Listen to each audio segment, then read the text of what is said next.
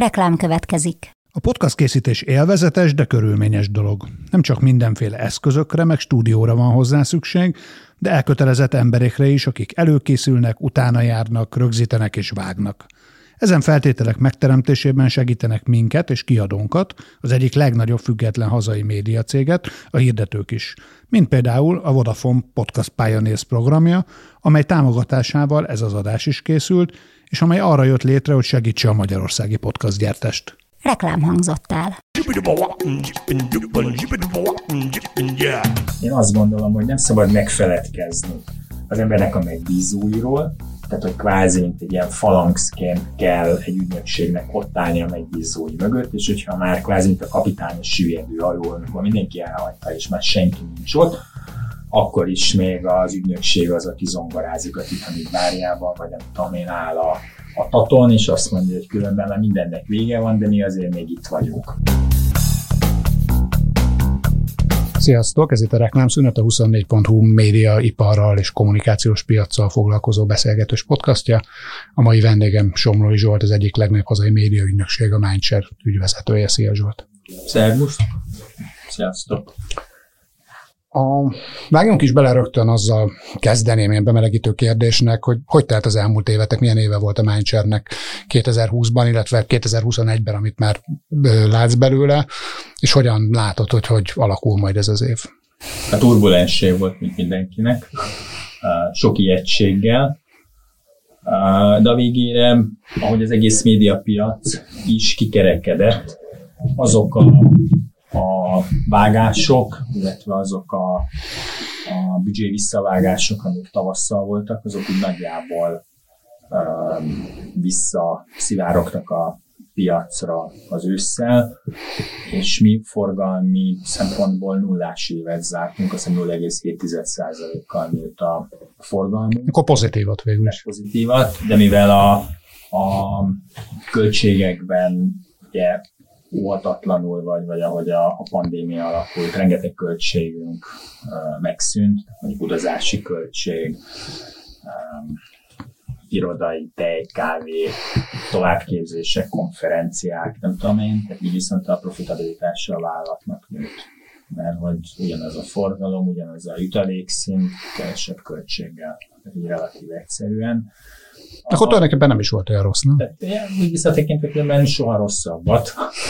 Um, azért voltak meleg pillanatok, meg, meg meleg szituációk. Azért az látszott, hogy mivel a, a médiapiac legnagyobb szereplőinek a kereskedelmi vezetői, vagy első számú vezetői mind végigcsinálták a 2008-as válságot, mint ahogy mondjuk én is végigcsináltam, elég aktívan. Tehát, hogy pontosan tehát volt egy, egy kvázi egy, egy harctéri rutin, hogy ilyenkor mit kell csinálni, hogyan kell csinálni, merre kell menni. Ez, ez egy más típusú válság volt, meg egy más, teljesen más um, módon hatott az életünkre, mint mondjuk 2008, de azért mégiscsak voltak a tanulságok, amiket lehetett alkalmazni, és ezeket alkalmaztuk is. A, az idei év pedig, pedig um, van egy természetes növekedés a piacon tehát volt egy természetes növekedés, amit pár százalék, vagy a megbízóink majdnem mind emelték a reklámra fordított befektetéseiket. Mi a legfontosabb dolog, amiben más az a válság, mint 2008 volt? Hát ugye ez alapvetően ez nem egy fundamentális pénzügyi válság volt. A 2008-as az egy teljesen felhígított, hogy Amerikából kiindult ingatlan lufi volt, ugye vannak erről filmek, amik nagyon szépen leírják, hogy detektálják, vagy hogy ez hogyan történt. Itt meg egyszerűen egyik pillanatra a másikra beütött valami. Hát én emlékszem, február 20-a környékén én még Rómában voltam a családommal, és azt annyit éreztünk csak, hogy akkor az olaszok lezárták a, a pekingi járataikat, és nem voltak ázsiai turisták, de hogy, de hogy is rá, nem tudom én, két héttel meg, meg így és, és Bergamo, és az összes többi. Tehát azért ez egy más dolog, mint amikor neked a gazdaság alapvető fundamentalai változnak meg. Illetve szerintem annyiban volt ez a válság más, hogy 2008-ban mindenkinek rossz volt. Most pedig uh, voltak iparágak, amik, uh, amik nagyon-nagyon extra jól teljesítettek, és voltak más iparágak, amik meg, meg nagyon megszenvedték. Hogyha mondjuk azt mondom, hogy ha száznak veszem az egészet, akkor mondjuk az átlag volt 90, de abból volt, aki 120-at csinált, volt, aki meg 70-et csinált, és akkor így jött ki a, az átlag 2008-ban. Mindenkinek nagyon rosszul ment, tehát ott nem volt olyan... Nem voltak győztesek és vesztesek. Igen, de ha megnézed úgy makroszinten, hogy a, az ingatlan négyzet, mindenki azt mondta, hogy összeomlik az Airbnb, um, rengeteg eladatlan lakás lesz a fővárosban, és a többi, és a többi. Nagyjából az ingatlan árak egész Európában, az egész világon fölfelé mennek, mert nem ez történt, hanem az történt, hanem mondjuk az emberek az ingatlannal kapcsolatos döntéseiket előre hozták, hiszen a home office, a, a belső életünk, a, a minden egyéb, ami, ami arra ösztökél minket, hogy a közvetlen környezetünk minél nagyobb, kényelmesebb, szebb és jobb legyen, tehát rengeteg pénzt fektetsz bele az ingatlanodba, mind az új, egy nagyobbnak a megvásárlásába, meg az azzal kapcsolatos um, felújításokba, csinosításba, bármi egyébbe. Tehát miközben mondjuk március-áprilisban azt mondják, hogy az ingatlan piac itt majd 10-20, vagy nem tudom hány százalékos visszaesés lett, különben köszönni szépen, és soha ilyen virulens nem volt. Mondjuk elég akár a Balaton ingatlan árakat uh, megnézni, de akár itt a főváros ingatlan árakat is. Tehát hogy azért mondom, hogy nagyon érdekes volt, hogy honnan indultunk, és aztán, aztán igazán a fogyasztók, meg, meg mi magunk merre mentünk. Mondjuk ugyanez a, az irodapiacra azért nem mondható, nem mondható el. Ti hogyan szerveztétek át a, az életeteket? Home office volt nálatok? Vagy hogy alakult ez? Hát nálunk, nálunk is volt home office, tehát ugye a, az életünk, tehát alapvetően azt gondolom, hogy, hogy egy olyan típusú cégnek, mint a miénk, meg általában minden cégnek, ugye különböző stakeholderei vannak.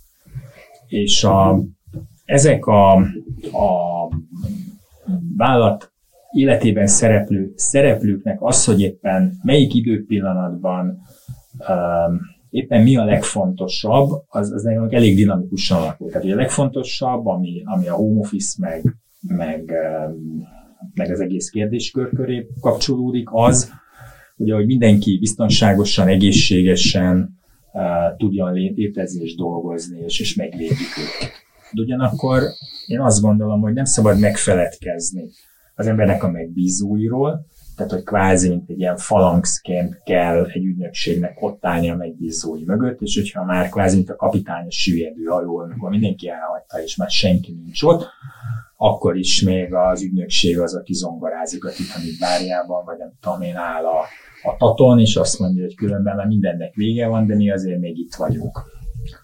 A, a következő a felelősség itt a tulajdonos, a menedzsment, a nem tudom, a nemzetközi hálózat és annak a profitabilitása felé, az, hogy, hogy egyszerűen akkor tudsz minél több embert megtartani, és akkor tudsz minél um, jobb feltételeket biztosítani a kollégáknak, anyagilag, meg biztonságban, meg egyéb, hogyha van miből adni. Tehát, hogyha az a profitabilitás az megvan. És van egy negyedik, vagy három perá, ami pedig a, a piaccal, az egész médiapiacsal kapcsolatos felelősséget jelenti. Tehát azt gondolom, hogyha az értékláncnak minden területe, vagy minden uh, szereplője dolgozik, és helytáll, akkor mondjuk a, a vagy a folyamat legvégén álló mondjuk média tulajdonoshoz is több pénzt fut be.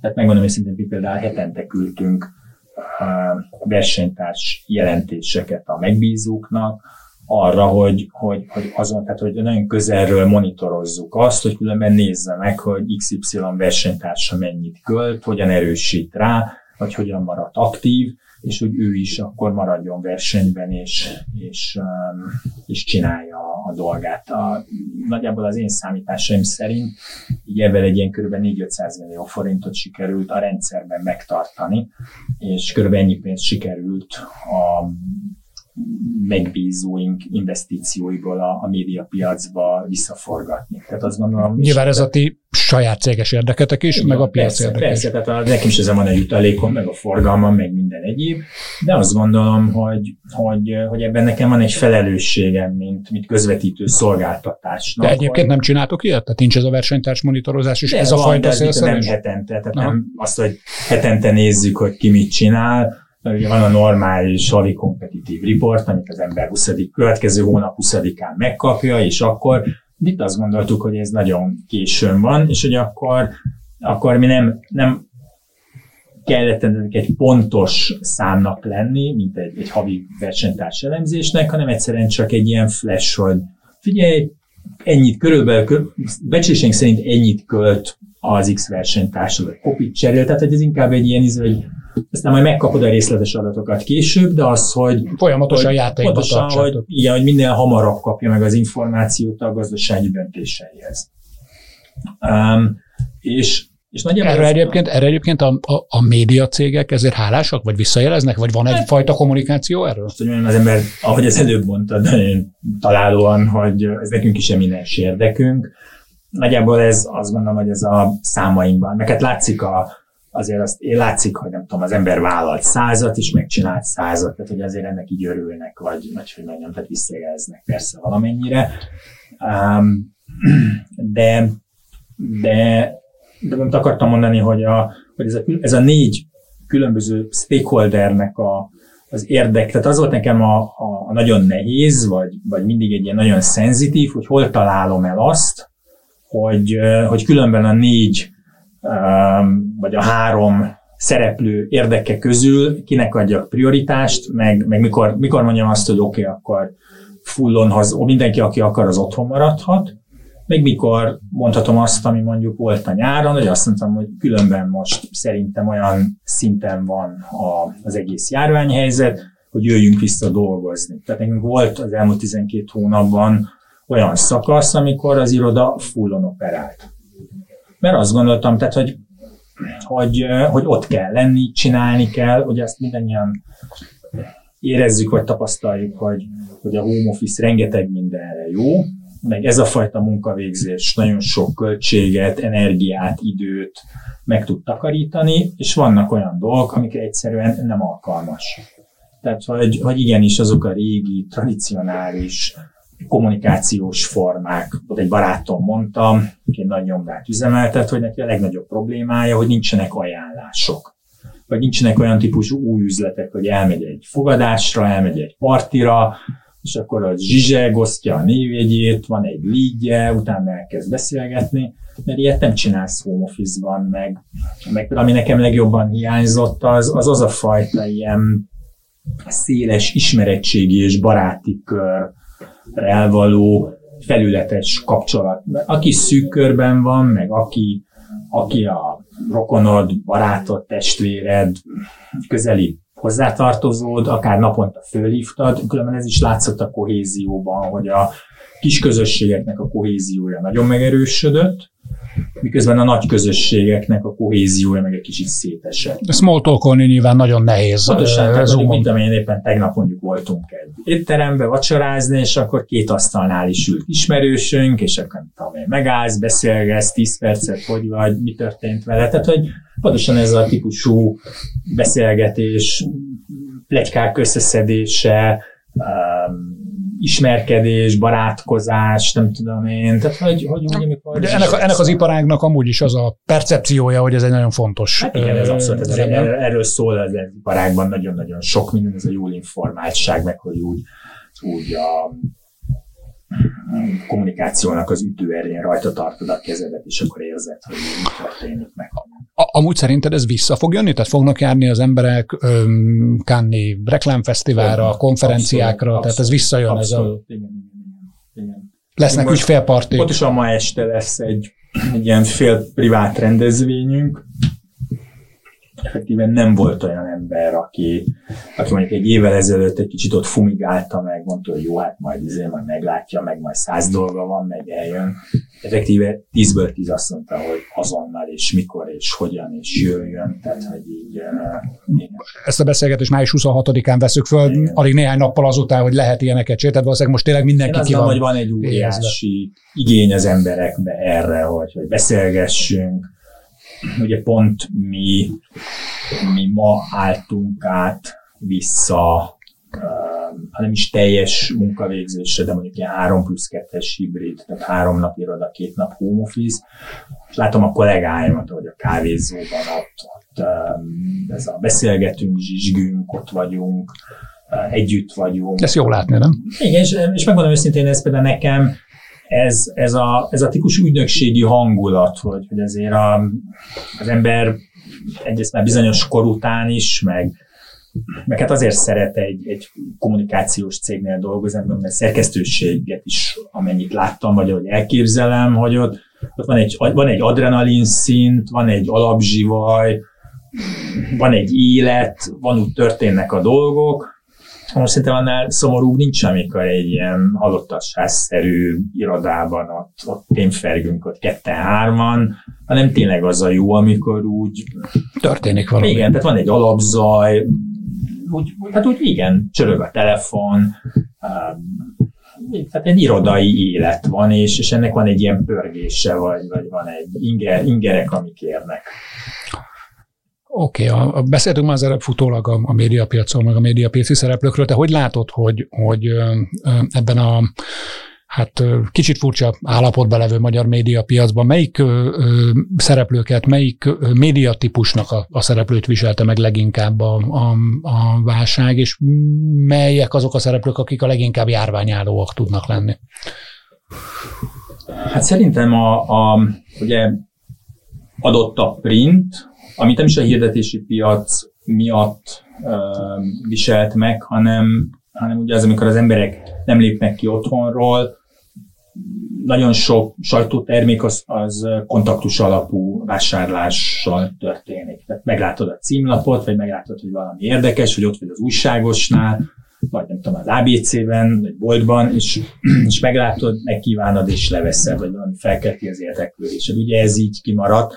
Ez most egy érdekes kérdés lesz, hogy itt a, a print kiadóknak a marketingesei, hogy mondjuk esetleg egy 12 vagy 15 hónap alatt elmúló szokást hogyan tudsz visszahozni, hogy mondjuk kulturális termékeknek a vásárlása.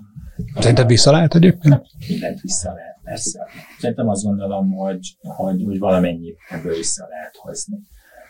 A, azért azt is érdekes látni, és ugye vicces, hogy egy ilyen, vagy ugye egy podcastban beszélgetünk, hogy, hogy a streaming milyen uh, robbanásszerűen terjedt, tehát az, az szerintem az, az, az nagyon durva, és mert streamingnél tartunk, akkor a, a szerkesztett um, YouTube tartalom, vagy, vagy még szerkesztett videós tartalom, akár így podcastok, tudom én.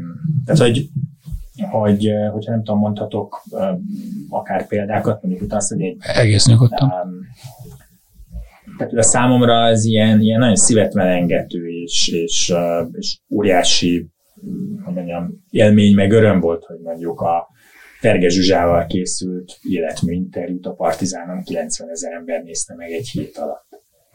Tehát, hogyha ezt előtte valaki nekem azt mondja, hogy itt a magyar szociológia nagyasszonyát 50 percen keresztül 90 ezer ember megnézi, hát másra érnek rá az emberek médiafogyasztására. Igen, de hogyha, de hogyha mondjuk összeadsz egy mondjuk politikusi partizán videónak az egy hét alatti megnézését, mondjuk akár egy Márkiza, egy Fekete Győr, egy nem tudom én, más egyéb érdekesebb témák, és mondjuk ratingben összeadod a Duna TV, Pesti TV, ATV, Ír TV, ezeket a, a műsoroknak a, az agregált nézettségét, hát akkor a fasorban nincsenek.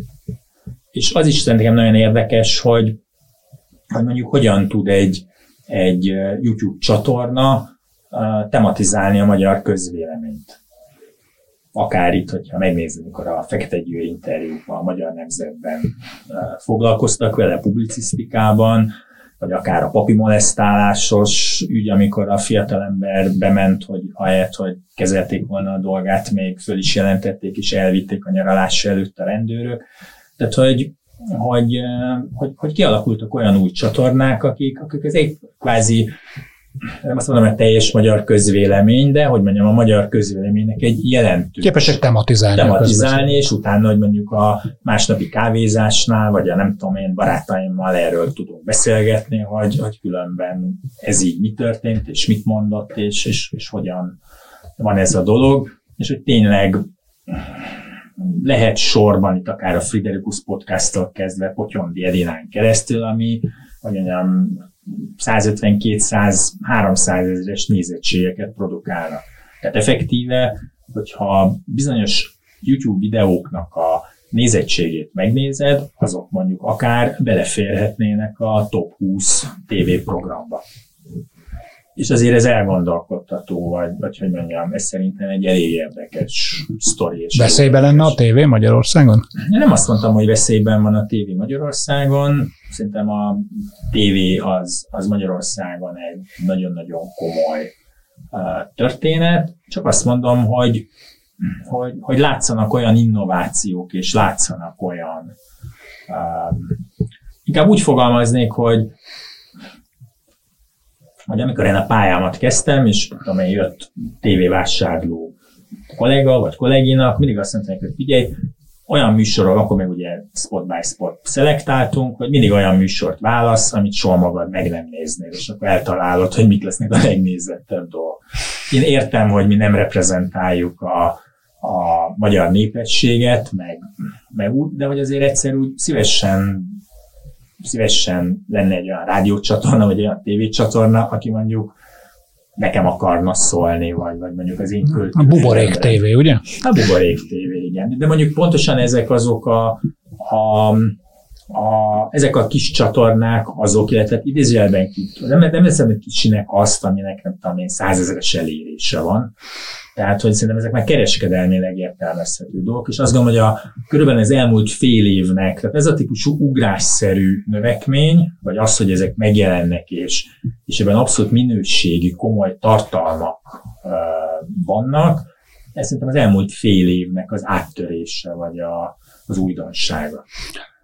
Ne, nem lehet az, hogy, hogy mert ezek a fragmentált médiatartalmak, ha nem is pont ezek, de voltak fragmentált szűk célcsoportnak szóló médiatartalmak korábban is, hogy egyszerűen csak a figyelmünk alakult át, és észreveszünk olyan dolgokat, vagy piacképesnek érzünk olyan dolgokat, amiket korábban, amikre korábban tehát nem így tekintettünk. Egyszerűen azért, mert jobban figyelünk a médiára ebbe a bezárt Igen, állapotban. Valószínűleg a médiának sokkal-sokkal nagyobb jelentősége van.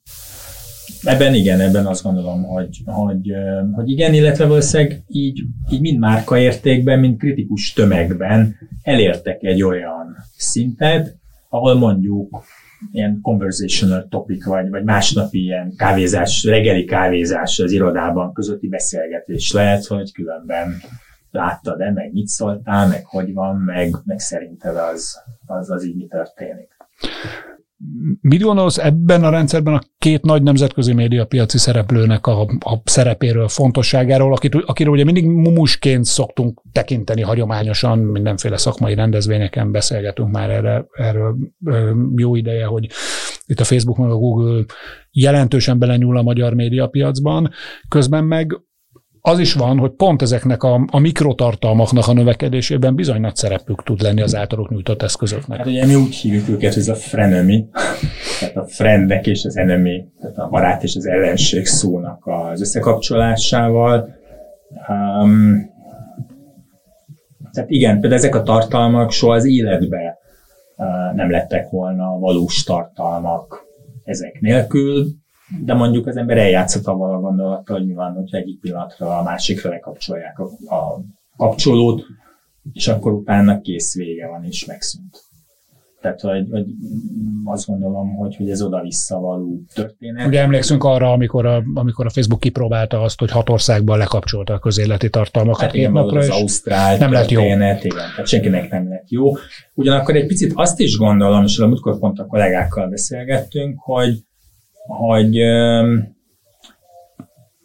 hogy ugye például a, a kampánytervezésnek, meg az, hogy egy, egy tévékampányt hogyan optimalizálsz, ennek ugye vannak ilyen szakmai szabályai, hogy nem tudom én, ugye amikor annak ilyen pályámat kezdtem, hogy az ember vett, nem tudom én, 600 nézettségi pontot, ez nem volt mindegy, hogy, hogy az első héten mennyi volt, meg hogyan épült a Reach, meg carryover GRP, meg nem tudom, mindenféle ilyen, ilyen szakmai dolgok voltak.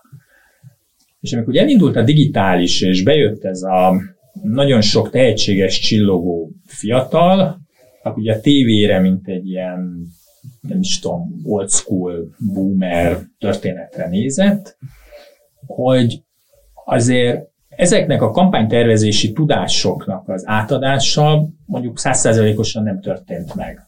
Tehát azt mondom, hogy veszek két millió AV csomagot a centrálnak, nem tudom, női portfóliójába. De az, hogy azt hányan látják, heti, hetente azt hogyan akarjuk, vagy azok az alapvetően kampánytervezési axiómák, vagy hogy mondjam, direktívák, amit, amit tudom én, különben 20-25-30 évvel ezelőtt ezeket az ember megtanulta meg, azok ugye elmaradtak. És mivel a display tervezés nem lett szofisztikus, szofisztikált, vagy nagyon-nagyon szofisztikált, ezért ugye a dolog sokkal inkább ment el programatikba, mert hogy abban maradtunk, hogy veszünk tőletek minden két millió AV csomagot. Aztán valahol majd elhelyezitek, meg valami majd lesz. Jó, persze volt brief, meg hogy ilyen környezet, de mondjuk az a típusú mondjuk ilyen uh, időzítési stratégia, vagy, vagy ami egy hagyományos tévétervezési tervben oldalakon keresztül prezentáltál és vitatkoztál, vagy, vagy beszélgetél különböző stratégiákban az ügyfélnél, ez ugye a displaynél nincs. És ezért ugye a display vásárlás sokkal kevésbé is szofisztikált, mint egy TV tervezés vásárlás, és ettől szerintem sokkal hamarabb jön a, a programatik. Én meg ugyanakkor azt is gondolom, hogy, hogy valószínűleg az a modell, ami felé azért nagyon-nagyon sok szeriűz, minőségű, tartalmat előállító szerkesztőség elmegy, hogy, hogy az olvasói donációból kéljen meg, az meg azt gondolom, hogy en, en, ennek, erre a lábra, és ez nem csak a speciális magyar politikai, meg egyéb viszonyok miatt, hanem azt gondolom, hogy erre um, óriási szükség lesz. Viszont itt meg jön az a kérdés, hogy, hogy ez például társadalmilag milyen hatásai lesznek, avval, hogyha mondjuk fizetni kell szeriős tartalmakért, hogy azt mondjuk hogyan zárjuk el társadalomnak egy jelentős rétegétől, mindig azt szoktam mondani, hogy azért azt szerintem elgondolkodtat, és tudom, hogy ez egy nagyon old school boomer dolog, de hogy egy olyan ország, ahol szerintem mostanra talán összesen nem adnak el 50 ezer példány politikai napilapot. Körülbelül. Igen. Ugye egy részéről nem tudjuk, hogy mennyit adnak el belőle. Okay, de körülbelül sejtjük. Egyet tudunk, kettőt nem, körülbelül akkor legyen 60 ezer. Tehát 9,5 millió ember nem tud 60, tehát nincsen 60 ezer olyan vállalat, magánszemély, állami intézmény, nem tudom én, aki mondjuk 250 forintot kifizet egy napi lapért. Akkor viszont tegyük fel a kérdést, hogy oké, okay, és akkor... ugye közben azt látjuk, hogy már majdnem ugyanennyien fizetnek helyel, közzel, közéleti online tartalomért, tehát ez úgy közelít egymáshoz ez a kettő. Igen, ez közelít, ez, ez oké, okay, de hogy összeadod a kettőt, akkor az biztos van benne valami átfedés, mondjuk 120 ezer ember. 9 millió 700 Nem túl sok. Igen. Ebbe egyetértünk, azt. Igen. Tehát, hogy, és viszont akkor kvázi ez az új középkor, vagy ez a, a történet, ami felé megyünk, hogy ilyen szárnyas fejvadászos kép, hogy felső világ full digitális, meg robotizált, meg mesterséges intelligencia, és akkor az alul meg a mélyében meg ilyen teljesen középkori viszonyok vannak. Szóval nem hiszel abban, hogy, hogy nagyságrendileg több embert lehetne erre az egyébként mondjuk havi szinten nem olyan túlzottan nagy összeg kifizetésére, hiszen itt azért egy üvegsöráráról beszélnénk körülbelül havonta, és és akkor azt mondod, hogy mégse olyan nagyon egyszerű. Ez szerintem nem olyan egyszerű. Az, az látszódik, hogy szerintem egyre többen vagyunk, meg egyre többen jövünk rá arra, hogyha bizonyos dolgokat szeretne az ember, és bizonyos dolgok fontosak az életminőségéhez, meg a kultúrájához, meg sok minden, azért fizetni kell. Tehát azt látom, hogy főleg itt a fiatal generációban, de, de akár mondjuk az idősségekben is, hogy, hogy igen, hogyha te bizonyos dolgokat szeretnél, meg bizonyos dolog fontos, akkor kifizeted az üvegsör, vagy egy habos kapucsinónak az árát. De azért, a, hogy mondjam, azért, hogyha ugye az elmúlt húsz év um, magyarországi viszonyaira visszagondolsz, akkor azért azt, hogy a tartalmat ellopjuk, meg letöltjük, meg torrentezünk, meg, meg a CD-t lemásoljuk, meg a nem tudom én mit így ebben, azért ez egy nemzeti sport itt, és ott mindenki úgy néz rád, mint egy marslakóra, amikor azt mondom, hogy azért veszek mondjuk CD-t, mert hogy ennek a zenekar ezt, ezt megcsinálta, meg ebbe beletette a izét, és utána vala 3 vagy 5 ezer forinttal, akkor reprodukálom az ő művészeti teljesítményét, mert hogyha én megvettem a CD-t, akkor lesz neki a következőt megcsinálni. Hát, hogyha ezt így elmondott társaságban, és mondjuk ez nem egy ilyen nagyon szofisztikált, nyitott történet, akkor így néznek, hogy mekkora lúzer vagy, hát majd a haver lemásolja, és akkor tök jó hallgatjuk. Te veszel még egyébként nyomtatott újságot? Persze, én szeretem. Hát, olyan az én helyzetem speciális, um, mert hát azért, mint a vagy felkonferált az egyik legnagyobb médiaügynökségnek a vezetője, azért úgy a nagy részét megkapom, de például olyan van, hogy van egy nagyon kedves kollégám, akinek van egy, egy heti lap, ami számára nagyon fontos, és ő például avval lepett meg, hogy előfizetett nekem egy évre, hogy itt támogassa azt a, a napilapot, de, de igen, tehát én, én én sok újságot, én szeretek újságot olvasni, tehát szerintem egy egészen más típusú dolog, ebéd után, hétvégén leülsz, és, és megmondom őszintén nekem például a, a, a reggeli újságolvasás, vagy azt, hogy a népszabadságot, most még egy érdekes dolog, vagy nem tudom, tehát nekem az volt a, kvázi a felnőtté válásom, mikor elköltöztem otthonról, akkor, akkor az első dolgom az volt, hogy előfizettem a népszabadságra. És amíg be nem zárták, nem tudom, 20, tehát amikor az önálló háztartás per önálló napilap előfizetés, a között volt egy egyenlőségjel, vagy valahogy nem tudom, ezt akkor úgy gondoltam, vagy azt, hitte, azt gondoltam, hogy ez a felnőttség, hogy, hogy az embernek nem csak önálló lakása van, vagy háztartása, hanem önálló napilap előfizetése, és uh, igen, tehát például megmondom szintén, ez kifejezetten nagyon rosszul éltem meg, és, és nagyon hiányzik. Vannak még itt ebben a házban olyanok, akik rosszul élték meg, ugye itt igen, a, szer- igen, a szerkesztőség igen, mélyén azért lapul igen, igen, gondolom néhány. Népszabadság. azt gondolom, például a Népszabadság kifizet nemzeti kincs volt, meg az archívum egy nemzeti kincs, meg most mindegy az ember ideológiailag szereti, vagy nem szereti, ez mégiscsak ez, hogy mondjam, egy, egy, eh, ennek az országnak a kultúrájának egy, és ugye az a baj, hogy, hogy mű, bizonyos műfajok vesznek ki. Tehát onlineban van egy csomó műfaj, ami onlineban nem olyan, meg nem úgy működik, meg nem az.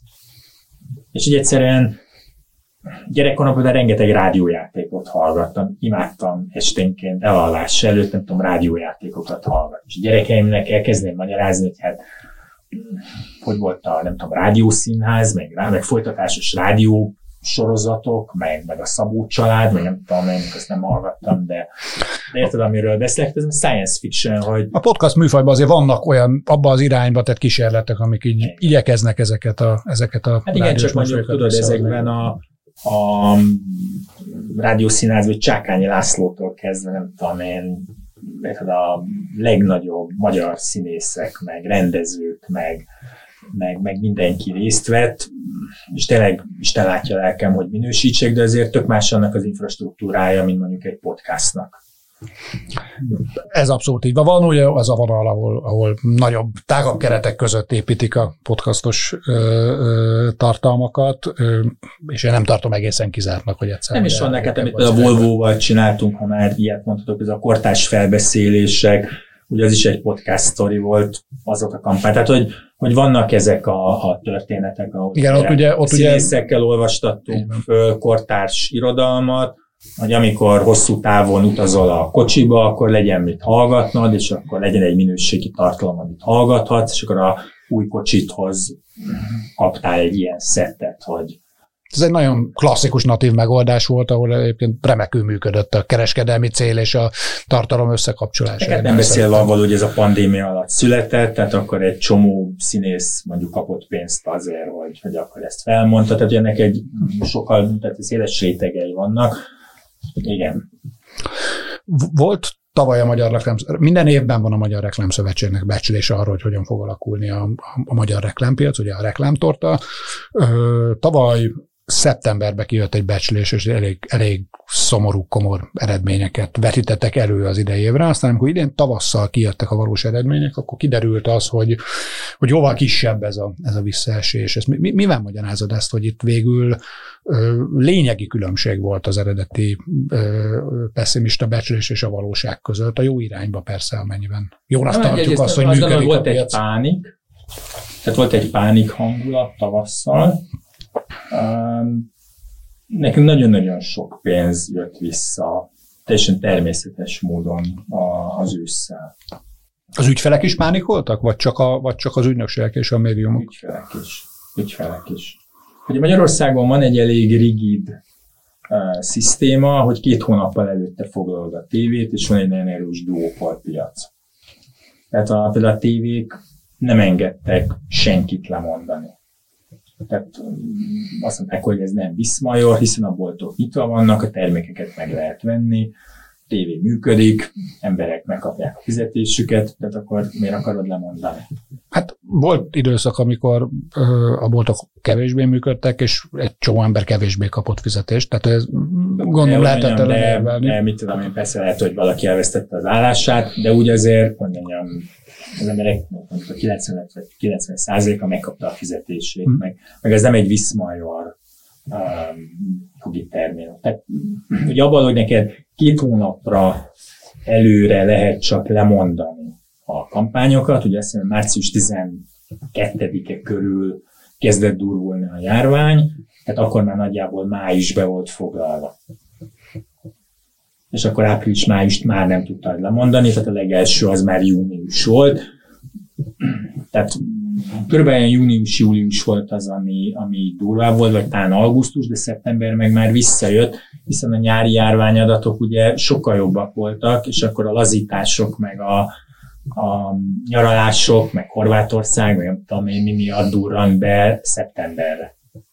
De akkor, amikor viszont meg már azt elkezdett foglalni, akkor viszont már jó volt, utána meg jött a Black Friday, meg a karácsony. Tehát nagyjából ezzel a, a televízióval való ilyen két hónapos uh, foglalási határidővel így elég Mindig átugrott a Mindig át lehetett ugrani ezeket a lyukakat, igen. A, a, az egyik legnagyobb ö, büdzsét kezelő piacon tevékenykedő ügynökségként. Mit gondolsz arról, hogy az állam az, az, az hogy kezelte ezt a helyzetet? Kellett-e volna más csinálni egy ilyen helyzetben egyáltalán? Ez, most én konkrétan arra gondolok, hogy a kommunikáció szakmával is annak a szereplőivel. Hát úgy nagyjából szerintem a kommunikációs szakma és szereplői, mint ahogy nagyjából minden szakma szereplői magukra maradtak. Tehát, hogy ebből különben volt vita, tehát hogy mondjam, ahogy, ahogy mondjuk a befektetési bankárok se szoktak sztrájkolni, meg a, nem tudom, tranzakciós ügyvédeknek sincsen szakszervezete, úgy azért nekem, nekem de ez egy teljesen, ez egy teljesen privát személyes gondolatom, azért a kommunikációs iparág, ami, amiben elég komoly profitok vannak, komoly forgalmak, magas fizetéssel dolgoznak az emberek, tehát hogy, hogy azért nem azt mondom, hogy a legkiszolgáltatottabb uh, iparágak egyike. Tehát azt gondolom, hogy egy, egy kormányzati segítségnek nem primer módon elsősorban a, a, a kommunikációs szakmára kellene szólnia. Ugyanakkor azt is gondolom, hogy, hogy amikor te azt mondod, hogy mondjuk éttermi, az éttermeket meg kell segíteni, azért ott az étteremnek a, a tisztítótól kezdve a bébi zöldség előállítón keresztül a, a libamáj termelőig, a bizonyos borászatok, amik, amik nem tudnak a spárnak eladni, hanem egy magasabb színvonalat képviselnek. Tehát itt azért a, a teljes beszállítói infrastruktúra is nagyon meg uh, szenvedte ezt a válságot. Tehát mondjuk tudom, hogy az Instagramon mondjuk követem tudom, a Relei Satót, meg a, a Michelin-t, ott, ott például óriási nemzetközi kampányokat folytattak, hogy mentsék meg az osztriga halászokat. Mert hogy az, az nem egy, hogy mondjam, tehát az nincs előttem, ha benyúljam a szemem, hogy bemész a közértbe, és akkor veszel vagyumarhát, libamájat, meg egy kis osztrigát, mert mit tudom én, vasárnap ebédet főzöl. Tehát vannak bizonyos termékkategóriák, amiket mondjuk csak étterembe fogyasztasz el.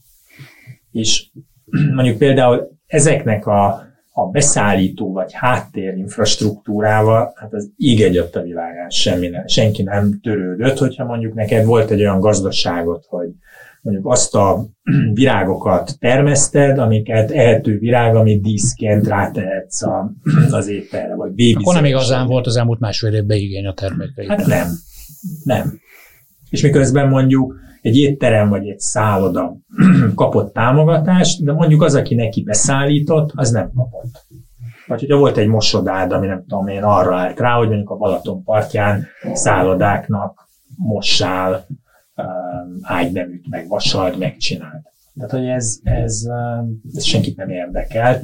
Tehát, hogy, hogy azt gondolom, hogy ennek a kommunikációs iparnak, vagy a rendezvényszervezésnek is volt egy sokkal szélesebb beszállítói, infrastruktúrális része, amit nem tudsz egy pillanat alatt átállítani.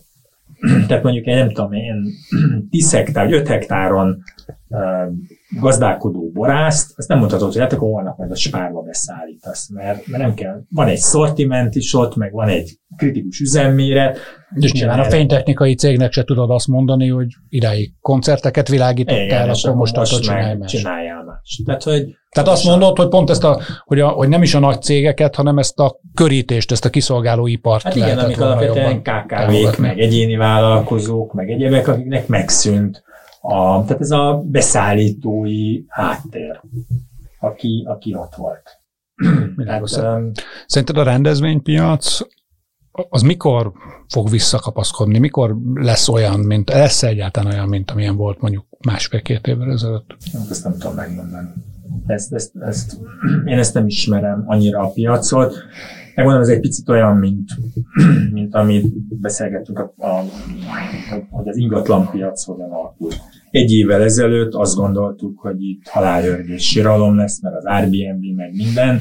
Közben meg az embereknek iszonyatos fontos a közvetlen, intim, privát szférájuk, és egy csomó ember a, amit már csak három-négy év múlva szeretett volna nagyobb lakást, vagy új lakást, azt előre hozta, mert hogy az fontos, hogy legyen egy terasz, legyen egy kis kert, legyen még egy szoba, ki legyen festve, nem tudom, csinosabb legyen a környezete, hiszen otthon dolgozol, vagy sokkal többet vagy otthon, ettől az ingatlan piac és a teljes infrastruktúrája, tehát amikor nézed a, a nagy barkácsáruházaknak a mérlegét, mindegyikben nagyjából két számjegyű növekedés volt amik ugye hivatalosan kijöttek. Tehát, hogy miközben egy évvel ezelőtt én is azt gondoltam, hogy hát majd itt összeomlik az ingatlanpiac, meg majd sokkal kevesebb lesz, de nem lett az. Tehát én ezt nem merném így, így eh, jósolni.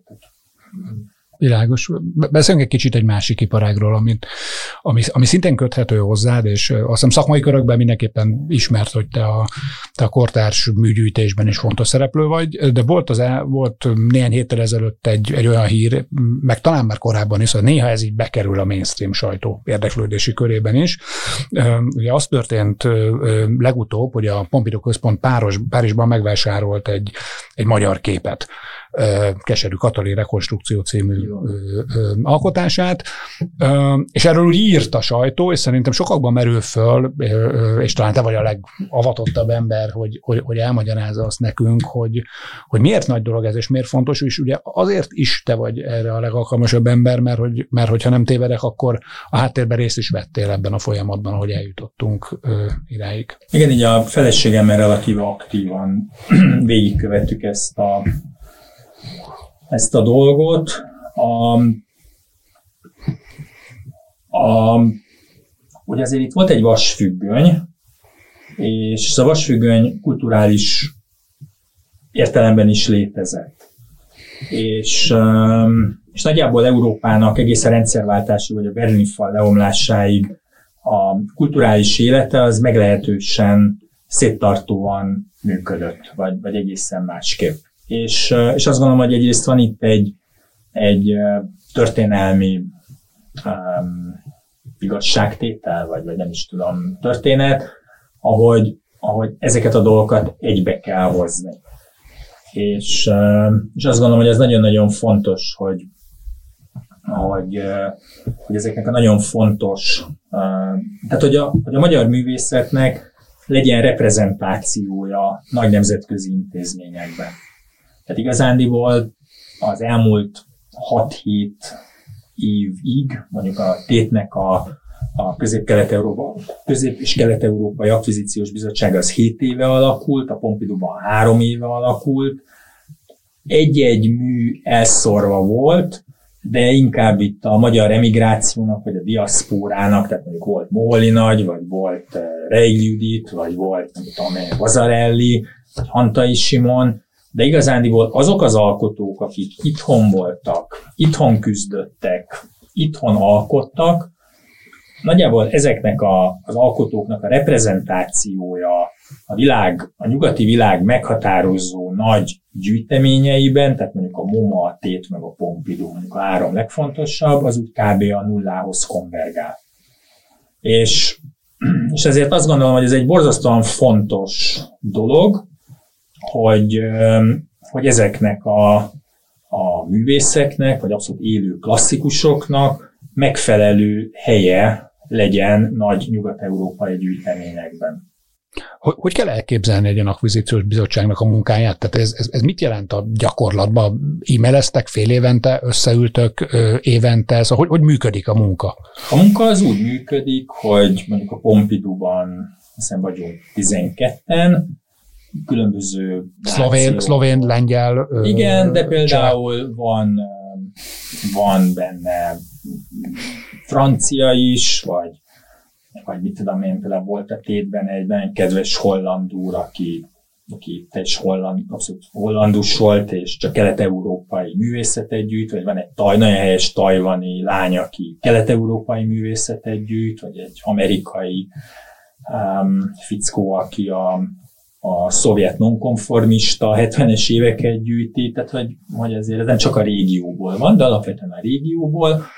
Ott van egy tagdíj, befizetjük ezt a tagdíjat, és, és van a múzeum kirendel egy kurátort, aki kutató munkát végez, és előkészíti a, az akvizíciót, és akkor utána van egy e, ilyen szemináriumi megbeszélés, ahol, ahol ami mégis egy ilyen tanulási folyamat, hogy ők prezentálnak művészeket, vagy olyanokat, akiket ők fontosnak tartanak, vagy elvégezték a háttérkutatást, vagy azt, hogy különben a múzeumnak a gyűjtési területébe, meg a logikai ívbe hogyan illik be az a művész, vagy milyen más művész referenciák vannak, és hogyan lehet beilleszteni a múzeumnak a szövetébe azt a művészt, vagy azt a munkát, amit ők meg akarnak venni és akkor fél évvel később pedig van egy szavazás, ami egy teljesen klasszikus szavazás, hogy van egy hosszú lista, meg van egy összeg, és akkor szavazunk, vitatkozunk, beszélgetünk, és szavazunk arról, hogy... És van egy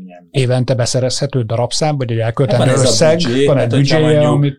Mit tudom én, 10 euró a tagsági díj mondjuk egy évre, vagyunk 12 akkor 120 ezer euró és akkor ezen felül... Ja, hogy a, hogy a, a tagok által tagok befizetett, által befizetett összeg fedezi a fedezi, beszerzést. És például a, a Tétben is, meg a Pompidouban is egy nagyon erős magyar kommandó van. Például a Pompidouban egy kifejezetten nagyon erős magyar reprezentáció van, és um, most ott kvázi kicsit domináljuk is, mint magyarok a, a, a bizottságot ezért egy elég erős érdekérvényesítő képesség is van. És de, akkor ezen... vannak ebbe, de akkor vannak ebbe kudarcok is? Tehát van az, hogy ti javasoltok valamit, és végül azt nem Persze, veszi igen, meg. Igen. A... És hogyha a múzeum nem veszi meg, akkor lehet az, és ilyen volt, hogy mondjuk volt egy fontos cseh művész, meg, meg politikailag is azt gondoltuk, hogy a, a cseh gyűjtő barátunknak ez fontos, és akkor mondjuk mindenki adott még nem tudom, 500 eurót, na annyi hiányzott, vagy azt hiszem 1000 eurót, mi azt 1000 euró volt. És akkor meg hiányzott még valamennyi, és akkor azt meg tudtuk venni. De például a Nádler vétel is hasonló volt, a Nádler Istvánnak egy nagyon fontos 1968-as műve, amit két éve vett meg a Pompidou. Hogy, a kék-fekete, ugye? Igen, a kék-fekete, ami ami nekem külön nagy öröm és büszkeség, hogy, hogy amikor át, a Pompidou mindenféle évben átrendezi az állandó kiállítását, és kirakták ezt a képet. Tehát amikor ott sétálsz a múzeumban, ott volt, és például abban az átrendezett kiállításban három mondjuk 1968 utáni kortárs magyar mű volt az állandó kiállításon. Szerintem a Pompidónak az elmúlt száz éves történetében összesen nem volt három magyar kép a, a falon, de, de így most kirakták. Nemes Csaba munkát, a Nádlernek a képét, meg azt hiszem Erdély Miklósnak egy, egy fotó sorozata volt kint. Tehát, hogy, hogy ott is az volt, hogy hiányzott valamennyi pénz, és akkor azt a hiányzó valamennyi pénzt, azt, azt saját büdzséből kipótoltuk, mert azt gondoltuk, hogy ez borzasztóan fontos, hogy ez a nagyon komoly múzeumi kvalitású, reprezentatív mű bekerüljön a, a világ három legnagyobb gyűjteményének az egyikébe. Miért fontos az Soblói Zsolt magánembernek, aki, aki mellette maga is műgyűjtő egyébként, és saját gyűjteménye is van, miért fontos az, hogy, hogy ezek szerint akkor anyagilag is támogassa az, hogy egy nagy nemzetközi gyűjtemény vásárolja a magyar festőket? Vagy alkotókat, nem csak festőket? Hát egyrészt, hogy mondjam, um, egyrészt nagyon jó beletartozni ebbe a közösségbe, tehát um, azért ez egy nagyon jó sztori, meg részt venni azokon a programokon, meg találkozni művészekkel, kurátorokkal, művészettörténészekkel, más gyűjtőkkel. Mi nagyon sokat, amíg lehetett, évente háromszor, négyszer utaztunk úgy, hogy, hogy a Tét vagy a Pompidou által szervezett tanulmányutakon részt vettünk. És azért ott ilyen nagyon-nagyon, tehát mondjuk tudom én, David Hackney műtermébe, az ember úgy az utcáról, ugye David Hackney volt a legdrágábban eladott kortárs festő, és amikor ott San Francisco, nem Los Angelesben egy órát eltölthetünk a házában. És Ez az exkluzivitás, oda nem tudsz bemenni. Hát oda nem lehet, de tehát ez, ez, egy, ez egy fontos dolog, a másik pedig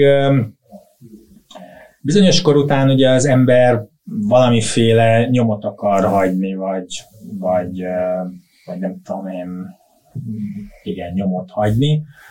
És azért ennek úgy azt gondolom, vagy az én számom, vagy a mi számunkra a, a feleségemnek azért annak van egy ereje, vagy van egy, hogy mondjam, súlya, vagy Peter egy jó Katalin érzés. A, a, másik nagyon fontos. Igen, igen, igen. A, a Spengler Kati, ahol mondjuk sétálsz a Pompidouban, és akkor ott van a, tudom, a Nádlernek a képe kirakva, és akkor az alatta lévő kis uh, tájékoztató kártyán ott van, hogy azt, azt te adományoztad. Ez büszkeség, menőség. Hát ezért ez egy menőség, hogy száz év, tehát hogy olyan, ez a kis kártya, ez amíg a nyugati civilizáció tart, vagy Pompidou lesz, az úgy kb ott lesz, vagy, mint az unokáddal odamész, és akkor azt látod, hogy hát ez nagyapád azért csinált valamit, vagy, vagy mit nem hiába élt, vagy, vagy nem hiába nem tudom én, keresett pénzt, vagy volt ez a bonmó, hogy hogy az, hogy ki volt a miniszter, nem tudom én, az adott évben, arra már 30 év senki nem emlékszik, de mondjuk ki volt a legfontosabb író, költő, festő, szobrász,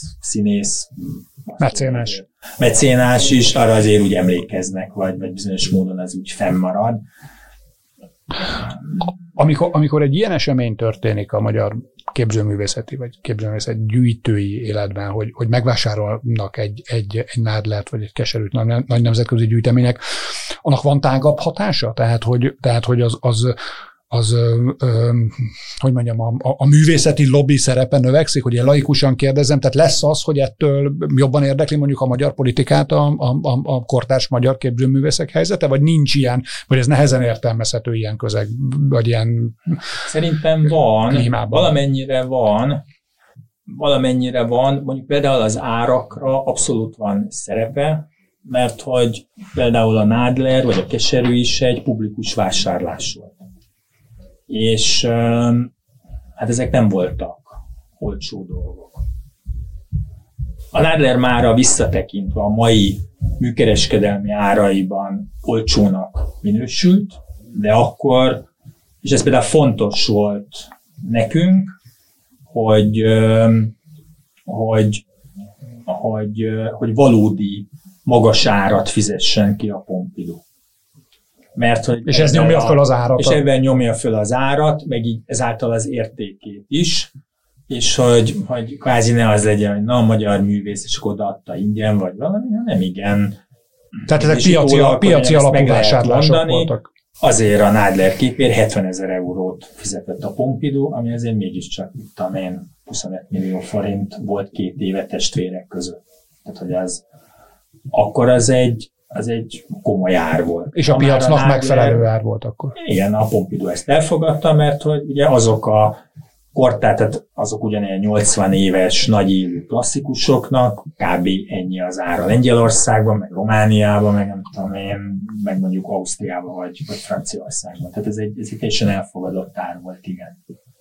Van, van bármilyen hasonlóság a, a, a, a polgári munkád, meg a, meg a hobbit között? Tudsz az egyikből a másikba bármit át, átvinni, vagy Persze, ezek, vagy ezek külön dolgok? Nem, mert ez nagyon. Ezt annyira emlékszem, mikor egyszer voltunk egy konferencián Madridban, egy művészeti vásár mellé szervezett konferencián, ahol a, a centrum periféria kérdéséről beszélgettek múzeumigazgató, többek között az elhunyt Nérai Katalinak egy emblematikus, nagyon fontos igazgatója volt a Ludwig Múzeumnak, és például, amit azon a konferencián hallott, hallottam a centrum-periféria viszonyáról, azt a repülő hazafelé skicbe például a, a Mindshare-nek a stratégiáját meg tudtam írni belőle, hogy mondjuk egy pici um, pici periferiális ország, pici periferiális ügynöksége hogyan tud a nagy egész mindshare-ben értéket teremteni, vagy,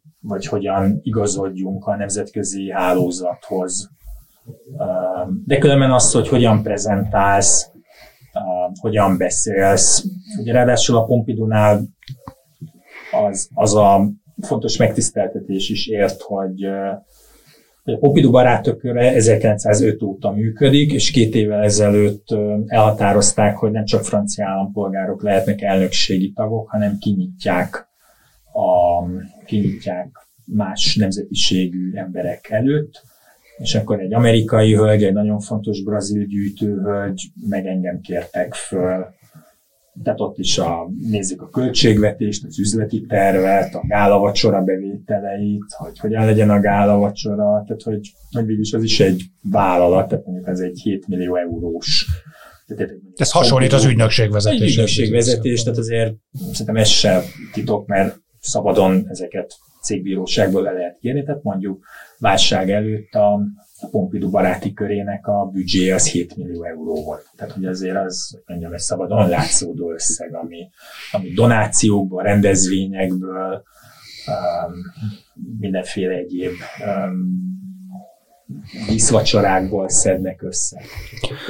Mondtad már, itt most, hogy a végéhez közelítünk, visszatérnek oda, hogy mondtad már, hogy, hogy te sokat olvasol újságot, és, és napra kész vagy ilyen szempontból. Hogy tartod magadat egyébként a, a trendeken rajta? Szóval hogy, tá, hogy tájékozódsz? Hogy, hogy maradsz képben?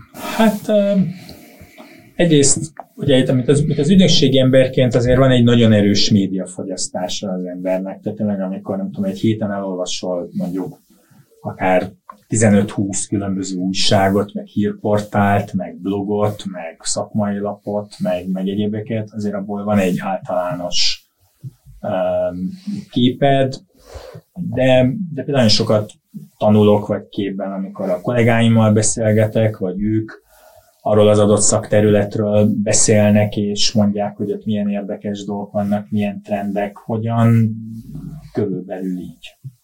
Én megmondom szintén abban nagyon hiszek, én én nagyon kevés ilyen üzleti elméleti, meg, meg ilyen biznisz könyvet szoktam olvasni. Én, én abban hiszek, hogy a történelem, a tudomány, a természettudomány, vagy, vagy valahol, ahol, ahol tényleg komoly szakmai, tudományos gondolkodás folyik, hogy, hogy azoknak az analógiáját tudod áthozni a, a bizniszbe, vagy a vállalatvezetésbe. És, és ehhez például a kortárs művészet egy kiváló terep, ami ugye Ugye a művészetnek két iránya van. Az egyik, ami esztétizál, és azért szeretetben harmonikus, meg szép. Ez is egy valid mondás.